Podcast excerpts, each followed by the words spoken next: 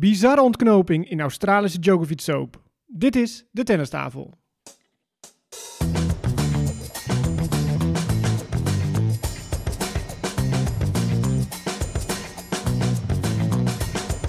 Please take your seats quickly, ladies and gentlemen. Thank you.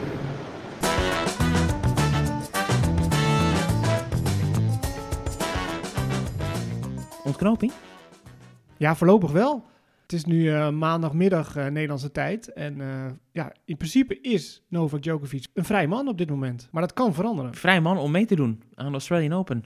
Zelfs dat. Na weken, maanden, ik ben hij de tel kwijt. We hebben het steeds erover gehad. Gaat hij vaccineren? Gaat hij meedoen? Nou, vaccineren niet, maar meedoen wel. Hij is er doorheen geglipt. Nou ja, doet hij het of doet hij het niet? Dat was altijd de vraag inderdaad. Maar het kan weer omgedraaid worden. Ja. Want de minister kan morgen nog beslissen van... nee, je moet toch terug naar je thuisland. Ja. ja, ik denk dat iedereen het gevolgd heeft, want het was op alle nieuwszenders. Niet alleen op de sportjournaals. Ik was in Armenië tot vannacht, want eh, jij hebt mij zojuist opgehaald. En je Ja. kwam gewoon door die douanecontrole. Was, Ja, ja. was alles in orde? Alle Alles in papieren? orde. Ja, ik ben niet gearresteerd. Ik ben niet vastgezet. Ik mocht gewoon drie maaltijden per dag. Niet zoals Djokovic, maar twee. Ja, dus we hoeven misschien niet in al te veel detail uit te leggen wat er gaande is. Iedereen weet wat er gaande is. Djokovic kwam aan in Australië en werd tegengehouden. We kunnen even een soort van tijdlijn schetsen. Om Ja. een beetje weer lijn in het hele verhaal. Want dat ging natuurlijk van links naar Ja. rechts. En hij zou gearresteerd worden en weer vrij. En een hoop onzin is er ook verteld. Deportatie, eh, dat soort zaken. Ja. Ja, dus misschien zullen we bij het begin beginnen. Want hij, nou ja, goed, Australian Open. In principe is iedereen gevaccineerd. Maar met een medische vrijstelling zou je het land in kunnen komen en mee kunnen doen aan, aan het Grand Slam toernooi. Daar gingen ze vanuit bij Tennis Australia, de organisatie, en eh, zeg maar de provincie Victoria. Ja. Dus met die informatie, De staat. ja, goed, wat is dan de medische vrijstelling? Daar gingen we natuurlijk altijd op, ja, wat Ja. heeft Djokovic dan? Nou, het blijkt nu dat hij op 16 december positief is getest op het coronavirus. Wat natuurlijk al vreemd is. De deadline voor het aandragen van eh, uitzonderingsdingen was 10 december. En we weten nu dus uit die papieren die zijn ingebracht in die zaak, of dat soort van kort gedingachtig iets wat uiteindelijk eh, heeft plaatsgevonden, bleek dus dat hij zich beroept op iets wat op 16 december pas is gebeurd. Een positieve test. Ja, en Tennis Australia was heilig overtuigd van... met een recente coronabesmetting kan je meedoen en het land binnenkomen. Maar dat blijkt achteraf dus een denkfout Ja. te zijn. Maar goed, op 16 december is Djokovic positief getest.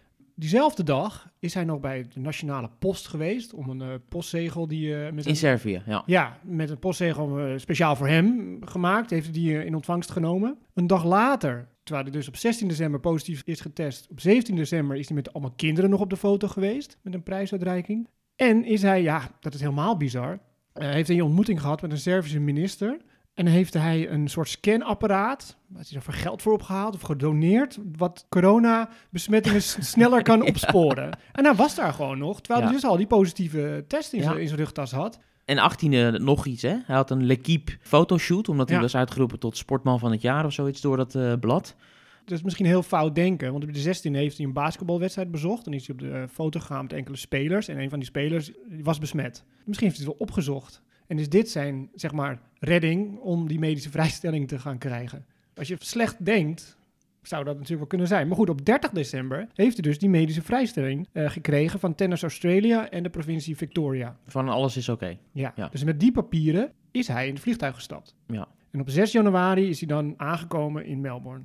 Maar het blijkt nu dat ze zijn fout geïnformeerd. Eh, met die coronabesmetting krijg je geen medische vrijstelling om het land binnen te komen. Dus je mag wel meedoen aan de Australian Open, maar niet Australië Ja. binnenkomen. Nou, en toen is hij dus vastgezet.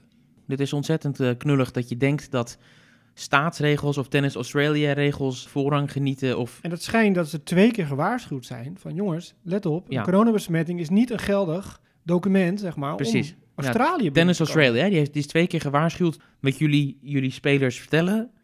Klopt niet, in feite. Ja, maar daar heeft Djokovic natuurlijk geen boodschap aan. Want de agent van Djokovic heeft alleen maar contact met Tennis Australia gehad. En daar heeft hij zijn informatie vandaan. En daar heeft hij alle papieren vandaan gehad. Voordat hij het vliegtuig instapte. Hier is waar ik mijn bezwaren plaats. In die zin dat als ik multimiljonair zou zijn, zoals Djokovic honderden miljoenen op de bankrekening zou hebben, dan zou ik niet mijn lot volledig in de handen van eh Tylee leggen. Dan zou ik ook misschien gewoon een plaatselijke advocaat in Australië inhuren van een van die gigantische advocatenkantoren. Een soort second opinion van kijk even of dit allemaal klopt. Nou ja, misschien juist niet. Want stel je voor, die jurist, wat jij zegt, die inhuurt, die zegt van nou, ik zou het niet doen. Hij heeft misschien toch die gok genomen en gezegd, nou, ik, krijg een vinger van Tennis Australia. Ik ga meteen, ik pak die hele hand. En dit is wat ik heb. Maar goed, met die documenten is hij dus aangekomen in Melbourne. En toen werd hij dus vastgezet. En hij was stom verbaasd van waarom. En dat was s'nachts. Is hij daar vier uur eh, in zo'n kamertje gezet. En ik heb gelezen, zeg maar, dat interview wat hij toen had met die uh, ja, douanebeambte, noem het maar eventjes. Na vier uur was het vier uur in de ochtend zei de douanebeambte, nou, met deze informatie die u hier heeft, is te weinig. Dus u moet meer informatie aanleveren waarom u gerechtigd bent om ons land binnen te komen. Ja, waar Djokovic zegt van, ik heb niks meer dan dit. Toen kreeg hij 20 minuten de tijd om meer informatie aan te leveren. Maar ja, vier uur s'nachts. Tennis Australia, zeg maar, de organisatie, die lagen natuurlijk allemaal te pitten, eh, al die gasten. Niemand bereikbaar en hij had maar 20 minuten de tijd. Ja, dat is natuurlijk ook wel op zich belachelijk. Dus Djokovic, ja, hij bleef nog heel correct in, de, in dit verslag wat ik las. Uh, gewoon heel beleefd nog van, zeg gewoon, en stom verbaasd. Ja, wat wilt u nou van mij? Ik heb niks meer dan dit. Dus nou, nee, u heeft 20 minuten de tijd. Uw tijd is al ingegaan. Ja, nou ja, dit is dus iets wat eerder in de week heeft plaatsgevonden en waarvan wij nu weten. Dat hebben wij nu achteraf al die informatie gekregen. Ja, Want ja, dat is allemaal openbaar gekomen. Precies, precies. Dus dit was in de nacht van 6 tot 7 januari. Nou, daarna is Djokovic uh, ja, naar een asielzoekershotel gebracht hij moest daar blijven op zijn kamertje met wat je zegt, geen ontbijt, alleen maar lunch en diner. Nou, je weet, hij met zijn gluten, dieet ja. dingen is natuurlijk al ingewikkeld. Zat daar, ja, een soort van gevangene, hè, noemde zijn vader ja, hem ook. Ja, zijn vader die is uh, helemaal weer losgeslagen. Tot twee maal toe. Eén, ja. Op dag één was hij de, de nieuwe leider van de vrije wereld. Een dag later was hij uh, Jezus Christus. Hè? Ja. Hij was ook gekruisigd en hij heeft het ook overleefd. Ja. Nou ja, hij was natuurlijk geen gevangene, ja. want de minister van Australië zei ook heel mooi van... Uh, he is free to leave the country. Ja, en het woont lekker in Monte Carlo, uh, dames en heren. maar goed, uh, nou ja, 10 januari, maandag, het kort geding en Novak Djokovic wordt vrij. Ja, vrijgesproken, dat klinkt zo gek, maar hij staat onterecht vast. Wat gebeurde er? Zijn visa werd ingetrokken, zijn visum. Dat is teruggedraaid. Ja. Dus hij mocht blijven. Ja, maar wel om, ja, hoe moeten we het noemen, eigenlijk een soort vormfout. Het gaat om die 20 minuten, wat ik net schetste, in de nacht dat hij aankwam. Want de rechter heeft gezegd, ja, wat kan Novak Djokovic meer doen dan dat hij heeft gedaan? Dus hem valt niks te verwijten. En dat hij maar 20 minuten de tijd heeft gekregen om zijn aanvullende informatie te verstrekken, ja, dat is belachelijk geweest. Dus, meneer Djokovic, u bent vrij. Ja, in feite is hij dus fout behandeld op dat moment. Ja. Het betekent niet dat hij zijn formulieren in orde heeft. Het is niet dat hij wel voldoet nu of op dat moment aan de eisen die de landsgrenzen aan hem stellen. Ja, klopt. Maar er valt over Djokovic op dat vind ik nog steeds niks te verwijten als hij van Tennis Australia. Alles is in orde, je kunt komen, wij hebben hier overlegd met de autoriteiten, hier zijn je documenten, neem het mee, leg het daar neer, alles komt in orde. Ik snap hem wel, alleen nog steeds is hij binnen op verkeerde gronden. Nou, nu wordt er al gezegd van, nou, de minister zelf kan op persoonlijke titel nog steeds aan visum intrekken. De kans acht ik niet zo heel groot, omdat dat is meer bedoeld voor criminelen om ze van de straat te houden. En niet zozeer voor ja, politieke redenen, in dit geval misschien een medische reden, dat hij staatsgevaarlijk is omdat hij niet gevaccineerd is. Ja, dat is wel heel erg zwaar. Maar dat zou nog kunnen. En dat kan dan dinsdag nog gaan gebeuren. Ja, ja. dat zou eventueel kunnen betekenen, mochten ze daartoe besluiten om alsnog dat visum in te trekken, dat dat tot gevolg kan hebben ook dat hij de komende drie jaar Australië niet in mag. Maar goed, de minister had na de uitspraak vier uur de tijd bijvoorbeeld om een beslissing te nemen van je visum wordt ingetrokken. Dan moest Djokovic vast blijven zitten daar. Maar ja, die vier uur zijn verstreken, dus nu is hij vrij man. Dus hij kan nu eindelijk naar, naar zijn hotel, appartementje, naar keuze. Als ik hem was, zou ik heel snel naar de trainingsbaan gaan. Daar wat foto's laten maken. Uh, dat je er bent en het toernooi wil spelen. Want dan maak je natuurlijk wat sterker om daar ja. te blijven. Dat de minister dan zegt van nee, uh, uh, je moet vertrekken. Ja. Dus het ziet eruit dat hij deze strijd heeft gewonnen. Ja, en dat hij onverslaanbaar is in Australië. Dat hij gewoon, of gewoon, dat hij nog wel eens een tiende titel daar gaat pakken. Ja, dat is een heel uh, ding op zich, hè? Of Djokovic nu helemaal opgeladen is en gemotiveerd om eens even Australië een poepie te laten ja. ruiken. Tegelijkertijd, weet je, er zijn zoveel mensen, talloze verhalen gelezen van mensen die niet naar een begrafenis konden. Van echt een naaste van een ouder of een, een broer of een zus. Die buitengewoon gefrustreerd waren dat Djokovic dan zomaar naar binnen kan. Terwijl zij zo vastzit aan die regel. Maar er is ook een harde kern met uh, Djokovic uh, supporters. Free Nole, die al de straat op ging. Ja. En met pepperspray eh, weggejaagd moest worden. Omdat Ja. ze voor de rechtbank stonden. En daar kwam een eh, zwarte Audi uit met eh ja, supportteam van Djokovic. Er zat Novak Djokovic zelf niet in. Maar de De- fans de dachten van juristen. wel. Die stonden op die auto te dansen en, en eromheen. Het was echt verschrikkelijk om Ja. te zien. Maar goed, die, die harde kern, ja, die, die schreeuwen natuurlijk wel. Dus hij kan ook gesteund voelen door die Ja, die harde kern is er altijd. Want ik weet nog heel goed van voorgaande keren dat ik ook daar was ter plekke, dat Djokovic won. Als dan het toernooi afgelopen is, dan heb je altijd natuurlijk een soort eh bordes-scène als het ware, dat. Djokovic met zijn prijs staat. Maar dan is altijd een aparte sectie dat hij alleen het viert met Servische fans. En dan wordt er gedanst en dan wordt er gejoeld en feest en dan gaat hij helemaal mingelen in die fans. Dus ik kan me voorstellen dat dat om diezelfde groep gaat, die Ja. door dik en dun altijd eh, achter hem staan. Ja, het kan twee kanten op wat je zegt. Maar ik denk ook wel dat hij zich ook wel sterker voelt of zo. Want hij gedijt ook wel als mensen vijandig tegen hem reageren. Dat knokken en dat vechten. En, Ja. en- maar goed, er komt nu zoveel shit over hem heen. Ook met persconferenties, met collega's. Want iedereen, iedereen, heel veel mensen hebben zich ook wel tegen hem uitgesproken natuurlijk. Zelf Nadal was daar best wel, vond ik, ver in gegaan op zijn Nadal-wijze. Van ja, hij had het allemaal kunnen voorkomen als hij gewoon een prikje eh, zou nemen. Dus het is zijn eigen schuld, dikke bult. Precies, beetje. als je het niet doet, dan kan je in dit soort situaties terechtkomen. Ja. En ook natuurlijk in de toekomst, hè. Het hele jaar ligt nog voor ons. ja. Het kan zich herhalen. op Nou, het volgende slam is natuurlijk in, eh, in Frankrijk. Ja. En Macron heeft al gezegd, ik ga ongevaccineerden pesten. ja. Dus dat Het ziet leven er niet goed uit voor ja. hem. Ja. ja. Nee, maar Nadal inderdaad, die was redelijk streng. Omdat Nadal ook steeds blijft herhalen van ik geloof in de wetenschap, ik geloof in, eh, in de artsen. En Djokovic heeft gewoon andere denkbeelden erbij. Maar dat is wel, een- weet je, eh, keer op keer, niet alleen Nadal, maar ook allerlei journalisten en mensen die zeggen van ja, Djokovic die kan gewoon dit allemaal voorkomen door zich te laten vaccineren. Maar dat is het hele punt. Dat is de essentie van dit probleem, is dat hij daar dus niet in gelooft of dat niet wil.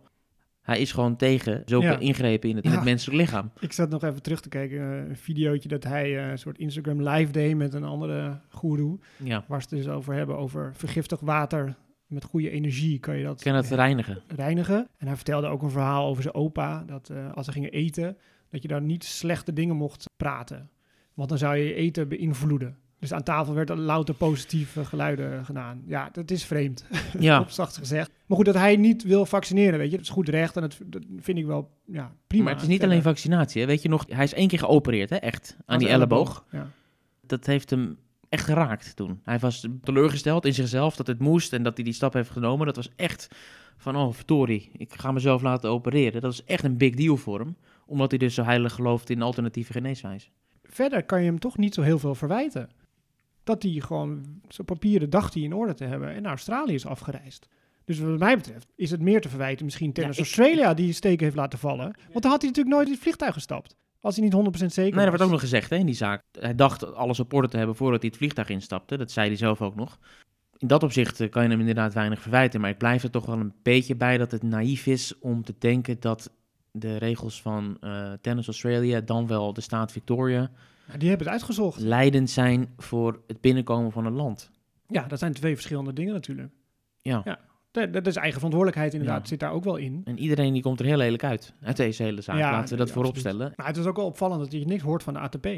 Wat moet je zeggen als Nou ATP? Ja, ja. Je kan enerzijds zeggen, ik sta achter mijn speler. Maar als je speler juridische overtredingen begaat, Nee, maar je kan, wel- nou, je kan wel iets zeggen. Je bent toch de vakbond van de spelers. Alhoewel hij zijn eigen vakbond heeft opgericht. Nou, die hoor je ook niet. Nou ja, die hebben wel wat gezegd. Ja, zei en, die, en die, die PTPA, officiële accounts, hadden wel een en ander gezegd. En dan heb je nog de Tsjechische dubbelspeelster. Die al een toernooi heeft gespeeld. Die daar al in december aankwam. En die zat ook in dat asielzoekershotel. Die is inmiddels werd weg. weggeplukt. En die is, weer- die is, eh, ja, die is Ja. terug. Ja, die kan natuurlijk niet zo'n leger advocaten inhuren zoals Djokovic. Nee, op dezelfde niet. gronden is die dus wel er doorheen gekomen. Die was veel eerder al in Australië. Heeft al een toernooi gespeeld. Dus dat verpest Djokovic eigenlijk. Ja, Want die- En er schijnt nog iemand te zijn. de ja, spelersvakbond. ja. Maar goed, oh. ja, moet je willen... Ja, het is wel moeilijk. Hij is daar helemaal niet meer geliefd. En, en Jamie Murray heeft ook gezegd... Ja, als het om mij ging, dan, eh, dan zou ik niet eens kunnen gaan verreizen. Anderen ook, die moesten er een beetje om lachen van dat hij daar vast zat eigenlijk. Het hele omveld, dat je daar rondloopt en je weet dat iedereen daar een mening over heeft. Ja, en eh, wat denk je voor de ballen, jongens? Eh, Ga je hem een hand Nou. geven na, na, als je van hem verloren hebt? Ja, dat zou wel goed zijn, want hij moet zich natuurlijk aan de regels houden gewoon qua tests. Ook als je gevaccineerd bent, moet je gewoon testen. hè. Ja, moet hij niet in quarantaine? Nou, hij heeft natuurlijk nu vijf dagen vastgezeten, maar... Het zou wel gek zijn ja, als hij dan nu hè, het Twee groen, weken quarantaine groen licht krijgt, maar zegt we moeten wel even twee weken in quarantaine zitten, vriend. Ja, en dan is er steen open begonnen en dan... eh, ja, dat is klaar. nee, Alsnog, kan eh, hij niet meedoen. En dan kan hij alsnog terug. Ja, goed, we Maar nemen dit op en het is nog helemaal niet gezegd hè, dat die eh, minister of welke organisatie dan ook niet alsnog dat visum intrekt. En wat dan de vervolgstappen zijn. Ja, volgens mij kan hij daar dan ook weer in hoger beroep. Dus kijk, ze kunnen het ook gaan rekken, rekken, rekken totdat OC Open is begonnen. Ja, de tijd tikt. Ja. We zijn een week verwijderd. Ja, plus de voorbereiding is natuurlijk totaal Ja, dat is ook een ding. Precies. Hij heeft niet, alleen maar niet vast. gespeeld. eh, Nee, Niet zijn glutenvrije broodjes kunnen eten. nee. Nou ja, en we hebben het gezegd, de mensen die hebben een probleem met hem, hoe zal die ontvangen worden? Dat gaan we natuurlijk zien als die uiteindelijk de baan op gaat. Of er dan een fluitconcert of zo komt, of dat hij toch misschien wel de steun krijgt. Het is tenslotte de negenvoudig kampioen. Ja, maar de Australiërs die, eh, die hebben zoveel leed zelf ervaren de laatste twee jaar. Die snappen er helemaal niks van dat er ongevaccineerd iemand hun land in kan komen. Ja. Ik ben echt benieuwd wat voor eh, receptie eh, er zal zijn. Tennis staat er wel weer slecht op. Ik bedoel, domineert het nieuws over de hele wereld. Maar ja, liever eh, met mooi tennis eh, op een court one dan op een eh court rechtbank. dat het beslist wordt allemaal. Ja, anderzijds, ik ben altijd wel voor eh, het leven in de brouwerij. Dus Djokovic die heeft de afgelopen jaren toch wel voor een hoop bizarre momenten gezorgd. Of het nou een, een lijnrechter is die die op het hoofd slaat, of dit weer. Ja, en hij wil zo graag die erkenning hebben. hè. En dan Federer en Nadal. Ja, de GOAT-discussie. Ja, voor mij is hij op de tennisbaan is hij de beste aller tijden. Maar ja, buiten de baan, je legacy, zoals ze dat noemen, weet je. Ja, dat is natuurlijk voor Federer nog groter. En dan Nadal. En dan misschien nog wel anderen. En dan pas Djokovic ooit. Ja. Maar hij zoekt gewoon graag die erkenning. Ja, en dan helpt dit natuurlijk van geen Nee, kant. het is een groot PR-debakel. Van alle kanten. Ja. Het eerste wat hij moet doen is zijn vader een eh muilkorf om laten doen. dat, dat is al. Ja, maar zo werkt het niet in het oosten. Zo werkt het niet. Nee? Nee. Ja, dat weet jij beter dan ik. misschien. Ja, nee, je gaat niet tegen je vader zeggen wat hij wel of niet moet doen. Dat had je vader zelf wel. En hij staat achter jou volledig. Ja, bedoelt het Ja. goed, maar het komt zo verkeerd Ja. over. Serjan Djokovic. Nou ja, we hopen hier nu wat duidelijkheid eh, te verschaffen in de tijdlijn. Maar ja, we nemen het dus op maandag. We denken niet wanneer u dit luistert, maar Ja. het kan natuurlijk veranderd, Ja, en er zijn. zijn zoveel details. Maar- En, en als je het echt interessant vindt om dat helemaal uit te spitten. Al die papieren en formulieren en alles wat Djokovic heeft ingebracht. 40 pagina's geloof ik. Dat is allemaal beschikbaar. Dat was ook een soort livestream. Dat haperde af en toe omdat er zoveel aandacht en interesse voor was. Maar dat is allemaal beschikbaar. Zullen we het over leuker nieuws hebben? Echt tennis? Of wil je nog een beetje buiten de lijn nieuws? Nou ja, jij bent in charge, zeg maar. Sloane Steven is getrouwd Sloan Stevens. ja, met eh Josie Altidor. Ja. Ken je die nog? Die AZ. naam? Ja, spits. Speelt hij nog? Ja, weet ik niet, Amerika misschien. Ja. Amerikaanse eh, voetballer. Ja. Nou, pakken we zomaar eventjes mee, hè? Zo deze is het. Goed, uitslagen van toernooien. Want er waren nogal wat toernooien deze eh, vorige week. Zo, Heb jij Ja, het allemaal uit je hoofd zo? Eh, nou, we kunnen het proberen. We hebben de twee in Melbourne gehad. We hebben Nadal zien winnen. Ja, Nadal won een challenger. Ja. In de finale van eh, niemand minder dan Maxime Cressy gewonnen. Een Frans-Amerikaanse service volley specialist. Ja, dat was wel echt gaaf om te zien. En dat was ook natuurlijk wel slim. Want ja, achterin op de baseline tegen Nadal, ja, dat is kansloos. En Nadal had het toch wel lastig in die finale. Ja, ik zei challenger omdat hij drie wedstrijden heeft gewonnen. Hij kreeg een bye, hij kreeg een walk-over van Tellen helaas. Ja. En hij won van Berankis, Ruusefuru en eh Cressy. Oké. Ja, ze maken het me niet makkelijk Nee. tegenwoordig, al die namen. En eh nou ja, service volley. En Cressy zei ook na afloop van... eh, ja, eh, Rafa, je zal het wel lastig hebben gevonden. En eh, mijn speelstijl, dat heb je Ja. nooit tegen je. Dus een beetje verontschuldigend zo. Waarop Nadal daar heel sportief op reageerde natuurlijk. Ook van, ja, gaaf Ja. dat weer zo iemand opstaat. En ik wens je al het beste natuurlijk. En eh, ja, twee verschillende speelstijlen tegen elkaar is altijd het mooiste om te zien. Dus wat dat betreft. Maar ik heb die Cressy best wel gevolgd. Omdat eh, die komt uit Challenger circuit. Ja. En een aantal Nederlanders hebben wel eens tegen hem gespeeld. En hij deed het best wel aardig ook in die snelle, Ja, snelle indoorbaantjes natuurlijk. Op de slams ook wel eens gezien hoor. In, eh, in vroege rondes of misschien de kwalificaties de afgelopen jaren. Een Ja. interessante speler. Ja. Ja, ja, zeker. Dus ja, leuk. Vanuit de kwalies haalde hij de finale. En Nadal, zijn negentiende jaar op rij dat hij een titel wint. Record hè? 19 jaar op rij. Indrukwekkend. Nou ja, Cressy won van Dimitrov in de halve finale. En in de kwartfinale daarvoor, wat een mega wedstrijd tussen Dimitrov en ja, Botek van de Zandschulp. jongen, jongen, jongen. Van de Zandschulp verloor, 7-5 derde, twee matchpoints. Op 5-5 derde set, een game van 20 minuten. Dit is zuur, maar hier leert hij zoveel van. Dat, dit ga je vaker meemaken misschien. Ja. En dan weet je het wel, weet je. Hij is nog een jonkie natuurlijk op deze ATP-tour. En kwartfinale halen is in principe prima, weet je, met zijn Ja. zo'n veld. Wat ik dan wel weer flauw vond, eh, die, die game van 20 minuten. En eh, rallies en spanning, et cetera. En dan krijgt hij een tijdswaarschuwing van die umpire. Ja, kom op. maar Als hij loopt niet lekker door tussen de punten door, uh, Botik, doorgaans. Nee, maar het is niet zo dat, dat het onwijs lang duurt. Dat, vind, dat moet je het een beetje aanvoelen. Ja. Na 17 minuten in die game kreeg hij opeens een tijdswaarschuwing. En daarna kreeg hij er nog één. Was hij Oh, eerst dus- service kwijt. Dat moet je wel even aanvoelen. Of misschien moest umpire pissen. Dat je denkt van, Ja. zit hij al drie uur op die stoel? Ik ben er al wel klaar mee. ja. Nou ja, werd gebroken. 7-5, eh, derde helaas. Ja, en Tellon stond ook in de kwartfinale. Dat was voor het eerst in lange tijd hè, dat de twee eh, Nederlanders in hetzelfde ATP-toernooi een kwartfinale speelden. Ik geloof 2004 of zo, van Scheppingen en Verkerk. Ja, klopt. We hebben natuurlijk al honderd keer gezegd hoezeer we uitkijken naar wat er allemaal gaat komen met Tellen en Botik. Ja, ze leveren gelijk. Nou ja, Tellen, ja, gepasseerd. Zonde, tegen Nadal moest hij spelen. En Ja, blessurespook. voet. Ja, weer zijn voet. Er Vaker eh, last van. Ik weet niet of het dezelfde is. Ja. Zou deze week ook spelen. Eh, ja, speelt niet. Dus laten we hopen dat de Australian Open niet in gevaar is. Maar ja, dat ziet er natuurlijk niet eh, fantastisch uit voor hem. nee, maar het is jammer ook, omdat hij dus tegen Nadal moest spelen. En je zou denken, komt er een beter moment om eh, misschien een mooi resultaat tegen Nadal neer te zetten. Ja, want Nadal zelf zei ook van, ik moet wel beter nog. Hij speelde niet eh, grandioos in, in die wedstrijden. Dus inderdaad, eh Tellen heeft natuurlijk zijn laatste pot verloren tegen Novak Djokovic op US Open. Nou, die geweldige run. Ja, en dan tegen Nadal. Mocht hij verliezen, ja, dan verlies je alleen maar van Djokovic en Nadal. Voor de rest wel alles wat ertussen zit, Hij wil gewoon zijn winstreeks niet kwijt. Dat is het. Ja, ja, misschien ook nog wel. Nou, denk ik niet. maar dit had inderdaad ja, uitgelezen kans geweest. Maar goed, eh, gezondheid, ja. Ja, als ze maar alles. gewoon aan de start kunnen verschijnen met Australian Open. Dus Tellen speelt deze week niet, maar Botik wel. Hij speelt tegen eh, Marton Fuxovic in Adelaide. Pittig. Eerste ronde. Pittige eerste ronde. Ja, zeker. Maar goed, Nadal hij was winnaar. Monfils hebben we ook als winnaar. Is het echt 2022? Eerste toernooi en meteen wint hij. Ja, Hij wint de finale zelfs, ja. ja. Tegen in de finale. En het was wel mooi dat eh Monfils na afloop zei van... Ja, ik had het echt een moeilijke tijd. Na coronatijd had hij ook echt heel veel opstartproblemen. Hè? Mhm. Ging ook twijfelen. Hij zegt niet helemaal aan stoppen, maar ik twijfelde wel. Maar eh, Lina, Svitolina heeft hem er echt doorheen getrokken. ja. Met wie hij getrouwd is. Ja, wel mooi dat hij daar ook de credits voor gaf en zo. De frustratie bij Monfils zat hem er natuurlijk in dat hij vlak voordat de ellende begon met corona, was hij echt ijzersterk bezig. Toen met Rotterdam gewonnen en alles klikte. En toen viel alles weg in Ja. één klap. En daar had hij mentaal heel veel moeite mee. Maar hij stond er weer, hij vloog weer door de lucht. eh, wat ook een paar keer misging met trickshots. Maar goed, Ja. dat zegt wel weer hoeveel vertrouwen hij heeft dat hij dat weer eh, allemaal laat zien. Dus eh, dat waren de mannen.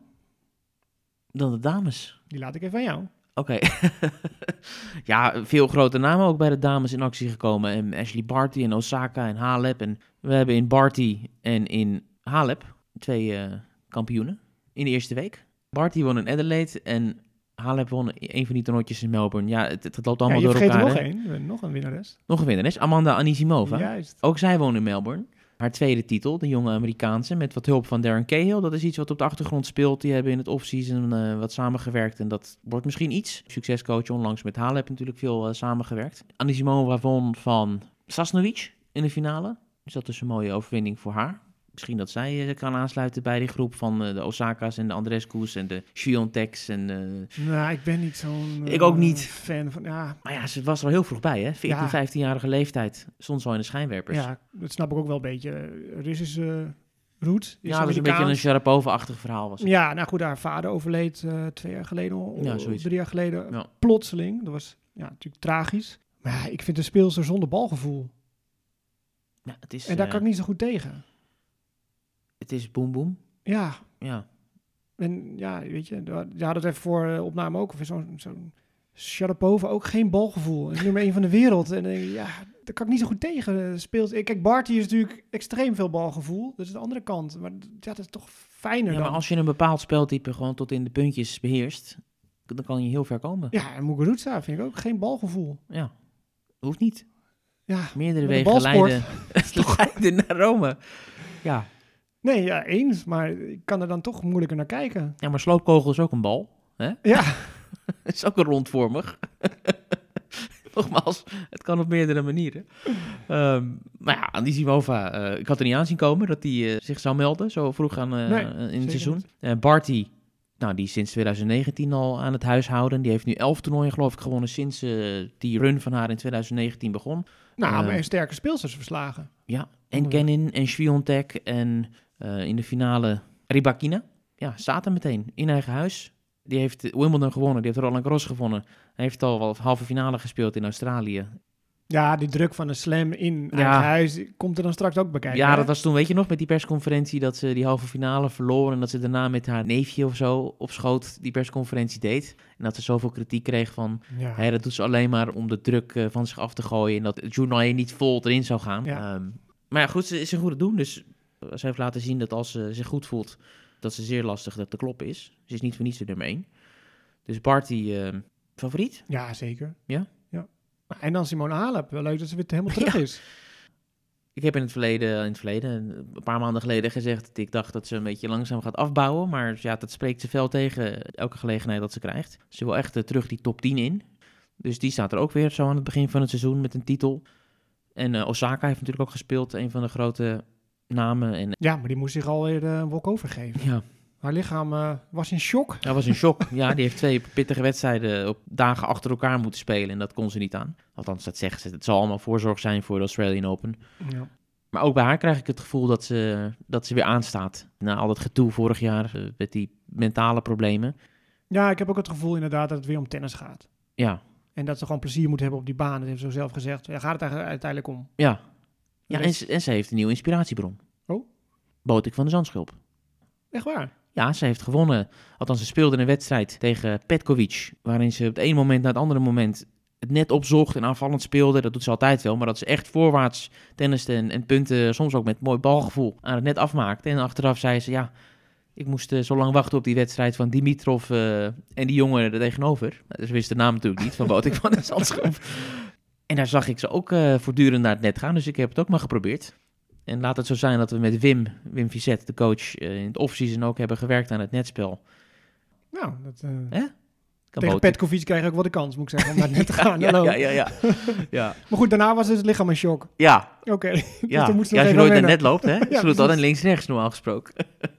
ja. Nee, dus Osaka, die, eh, ondanks dat ze dus een walkover gaf, absoluut ook een van de favorieten om toe te slaan in Australië. Verder nog iets opgevallen bij de dames? We hebben mooie affiches gezien, hè? Eerste week. We hebben al Azarenka Badosa gehad, wat aan het eind van vorig jaar die finale van Indian Wells was. We zagen een mooie partij Barty tegen Goff. Dat was de eerste ronde, geloof ik, van dat toernooi. was een leuke drie-setter. Sviontek tegen Barty hebben we al gezien. Mooie eerste week zo. Mag ik haar noemen of mag ik haar niet noemen? Mag, mag ik het zeggen? Het moet. Ja, het moet Het, hem. publiek eh, wacht. Ja. Nou, die Sabalenka zeg. Wat die heeft gedaan? nou, kom maar op. Jongen, jongen. Ja, die sloeg 17 dubbele fouten. 18. 18. Ja, we weten, eh, groot coach heeft gezegd ooit. ja, ja, ja. Wim. De naam valt weer. Ja, dat is de periode van de maand dat je dubbele fouten slaat bij de, Ja. bij de vrouwen. Dat heeft te maken met de hormonen. Nou, die gierde dan eh, door het lijf, want eh er sloeg er eentje gewoon rechtstreeks het stadion uit. Ja. Dat was pijnlijk om te zien. Dus eh, volgende week gaan we een voorbeschouwing Australian Open opnemen. Ik, ja, ik weet niet of ik de haar zet als Nee, ja, die, eindwinnaar. die, die- hallo. Loyaal blijven, hè. Ja. Als je nu de hoop opgeeft, dan gaat ze dat slam nooit winnen. ja, misschien valt er wel heel veel druk af, omdat ze zo slecht bezig is, dat niemand iets verwacht. dan gaat het gebeuren. Dus Maar ja. goed, dus die was bizar slecht. Maar als we nog even het rondje afmaken van alle toernooiwinnaars. Wesley Koolhof Oh ja, wint ook in Melbourne. met zijn nieuwe partner. Niels Koepski. Dat was hetzelfde toernooi als Nadal won in de single, hè? Ja, Die klopt. Melbourne was het. Ja. ja, precies, ja. Nou ja, nieuwe Ja, top. samenwerking, eerste toernooi, bam, gelijk eh toernooiwinst. Dat is natuurlijk eh, fantastisch. ja. Voor het vertrouwen en eh, ik neem aan ook voor de samenwerking, hè, dat het klikt. Fantastisch succes. Ja, Maar dan hebben we nog de ATP Cup. Ja, het is zoveel, het is ongelooflijk, hè, wat hoeveel er ja allemaal het, was, gespeeld is. het was een overdosis. Ja, maar goed, we hadden Nadal dus een toernooi speelt. Terwijl ATP Cup Spanje in die finale staat. Ja. Dat is wel, vond ik wel apart, vind je niet? Dan heb je op één dag heb je de ATP Precies, ja. Cup finale, Canada, Spanje. En dan Ja. heb je dan Nadal die zo'n challenge eh, ATP toernooi wint.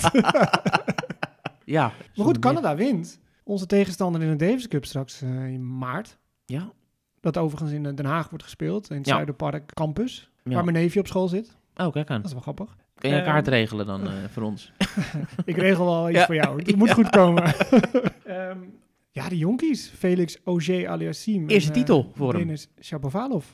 Oké. Felix, hè? Ja, eerste finale die hij wint. eerste finale die hij wint. Ja, nou en verdiend, want hij won ook zijn single. Ja. Van eh, Bautista Agut volgens mij in straight sets. Heel knap. Ja, want die speelde echt goed. Die, Die had de smaak te pakken. En eh Chapo inderdaad ook gewoon geleverd. Ja, ze Dus- wonnen halve finale van Rusland met Medvedev. En, ehm, en hoe heet die andere? Safiulin. Ja, de de, de, de ontdekking. Karatsev van dit jaar, hè? Ja, de ontdekking. ja, die speelt echt goed. Ja. Dus heel knap voor die jonkies met z'n tweetjes. Hebben ze dat toch eh, mooi geflikt. Ja.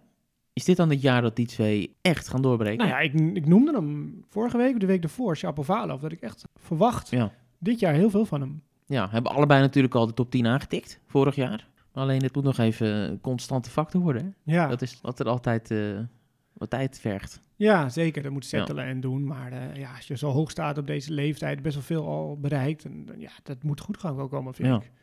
En Chapo heeft voor mij echt alles om een topspeler te worden. Als je wat rustiger wordt. Kanaliseren, meer- ja, meer gewoon zeventjes scoort in plaats van negens, tienen Ja. en drieën. En de juiste bal op het juiste moment. Ja, zeker. ja. ja. Nou ja, die passie was wel weer mooi om te zien. Het, ja, het vreugde en zo. Dat was wel heel gaaf. En ik vind die bankjes in de hoek heel tof. Ja. Dat je niet aan de zijkant zit, dat team, maar dat is wel achter de, achter de speler. Dat is wel gaaf. Canada is on fire, dus dat hebben we dan niet getroffen voor die Davis Cup straks.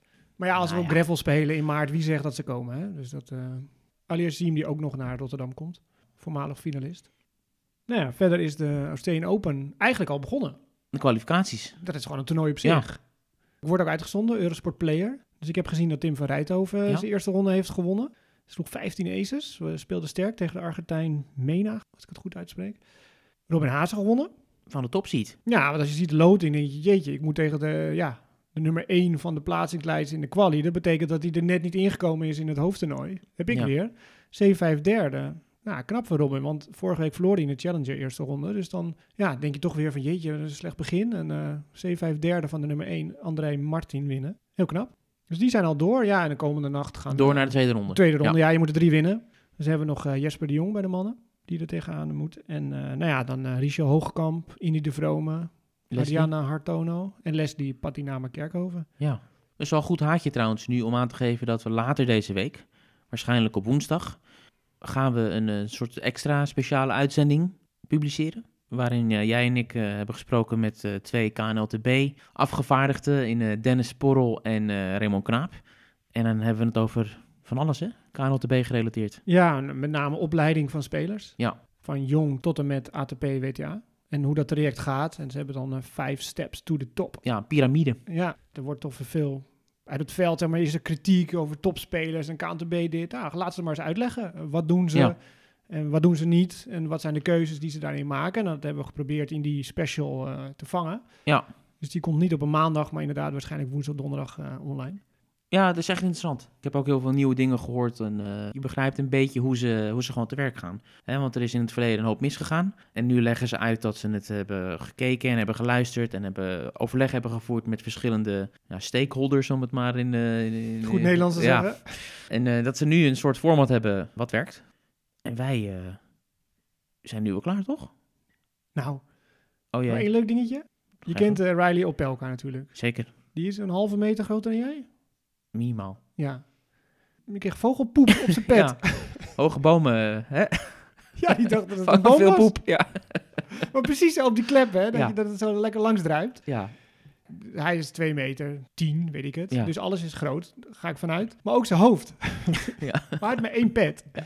En hij heeft heel lang haar nu. ja.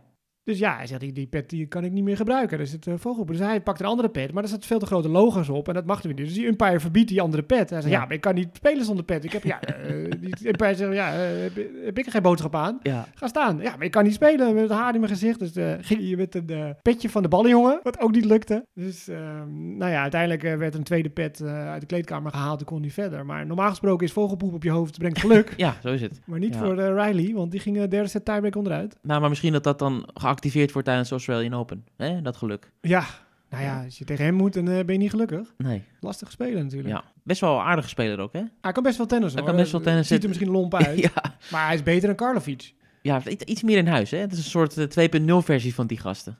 Ja, Er is zoveel tennis eh, de afgelopen week geweest en ook de komende week weer. Het is niet bij te het houden. is genieten. Ik was eh, niet in Nederland, dus ik heb ook niet alles kunnen zien. En jij gaat de komende week eh, even voor de Australian Open nog Een paar dagen frisse neus halen. Ja, ja, inderdaad. Ja, blijf wel gewoon weer doorwerken, maar Ja. eh, tussendoor ook nog even een potje skiën. Ja, Dus ik moet morgenochtend mijn test doen, dus fingers Ja. crossed. Wie niet door de test kwam trouwens, Brooksby. Ja. Die gaat geen Australian Open spelen. Zou zijn debuut maken daar, dus die moet in Amerika blijven. En Nick Kyrgios is Ja, dat is wel getest. jammer. Dat is jammer. Terwijl hij altijd zo ermee bezig was, weet je, Ja. voorzichtig. En eh, in Australië blijven, niet, weet je, naar buiten. Is andere landen bezoeken, heel voorzichtig. En nu heeft hij, vlak voor de start van de Ja. Australian Open. Dus hij speelt deze week niet, natuurlijk. Net op tijd. somber in, hoor. Oh, Het begint echt allemaal. ja. Ja. Het is misschien een beetje van de hak op de tak, maar je noemt Kyrgios nu. Hij was een van de stemmen die zich volledig achter Djokovic schaarden in deze hele kwestie. Hij stond Ja. echt op als van dit is eh, onheuse bejegening en onheuse behandeling van eh, Djokovic. Zo ga je niet met mensen om. Met dat hele vastzetten en, en al die rare regelgeving. Dus was wel een soort van support uit onverwachte hoek misschien. Want we kennen de geschiedenis van die twee. Die, eh, ja, die vliegen elkaar geregeld in de haren. Ja. Maar nee, ja. dat was wel mooi. En, en nu zijn er misschien de ogen ook een beetje gericht op al die andere mensen die daar vastzitten in dat ja, asielzoekershotel, zeg maar. Precies, ja. Want daar zitten nog veel meer mensen. Er zitten mensen al jaren daar. ja. Weet je, Novak zat daar vier nachtjes. En dat zijn mensen die niet terug kunnen ergens Nee. naartoe. Nou ja, Free Nola is het. Ja. En volgende week de grote Australian Open voorspellingsshow. Met of zonder? Abekuil. Altijd de vraag. Tot volgende week.